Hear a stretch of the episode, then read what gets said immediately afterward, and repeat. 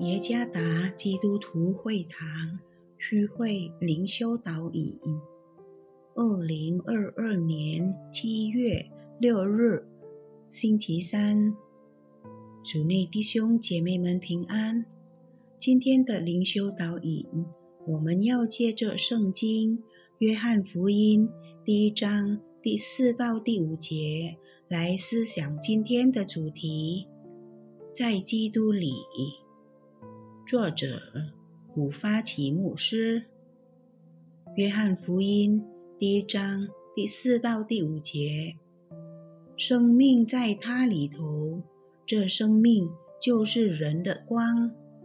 光照在黑暗里，黑暗却不接受光。格拉嘎道山位于逊他海峡，夹于苏门答腊岛。和爪哇岛之间的这座山，曾有过黑暗的故事，即是于1883年火山的爆发。此事对世界有巨大的影响，除了数千的人丧失了性命和全球气候的改变，更可怕的是。天空因此阴暗了好几年，这是因为从火山口喷出的灰烬遍布全世界，世界变黑暗了。以堕落在最终的世界造成黑暗，辖制了他。罪不仅导致与上帝分离而已，但也产生了。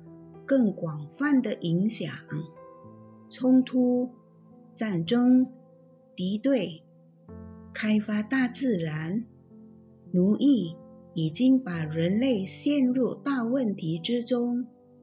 罪所造成的痛苦和艰辛，使人处于黑暗的境况，即是没有盼望的生活。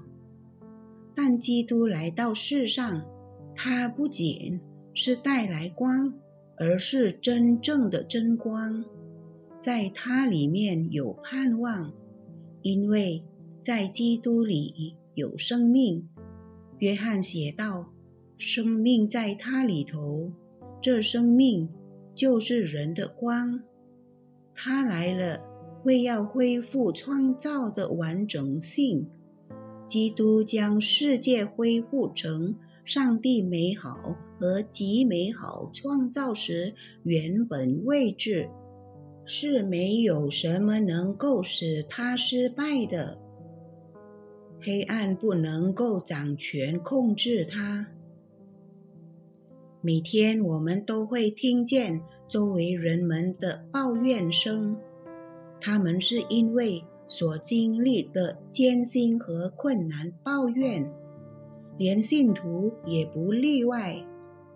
或许我们也正在为这世界繁多的事而遭受痛苦，就像走在黑暗的小巷里。幸亏有好消息，即在基督里，我们的生活将会发光。在它里面，我们有生命。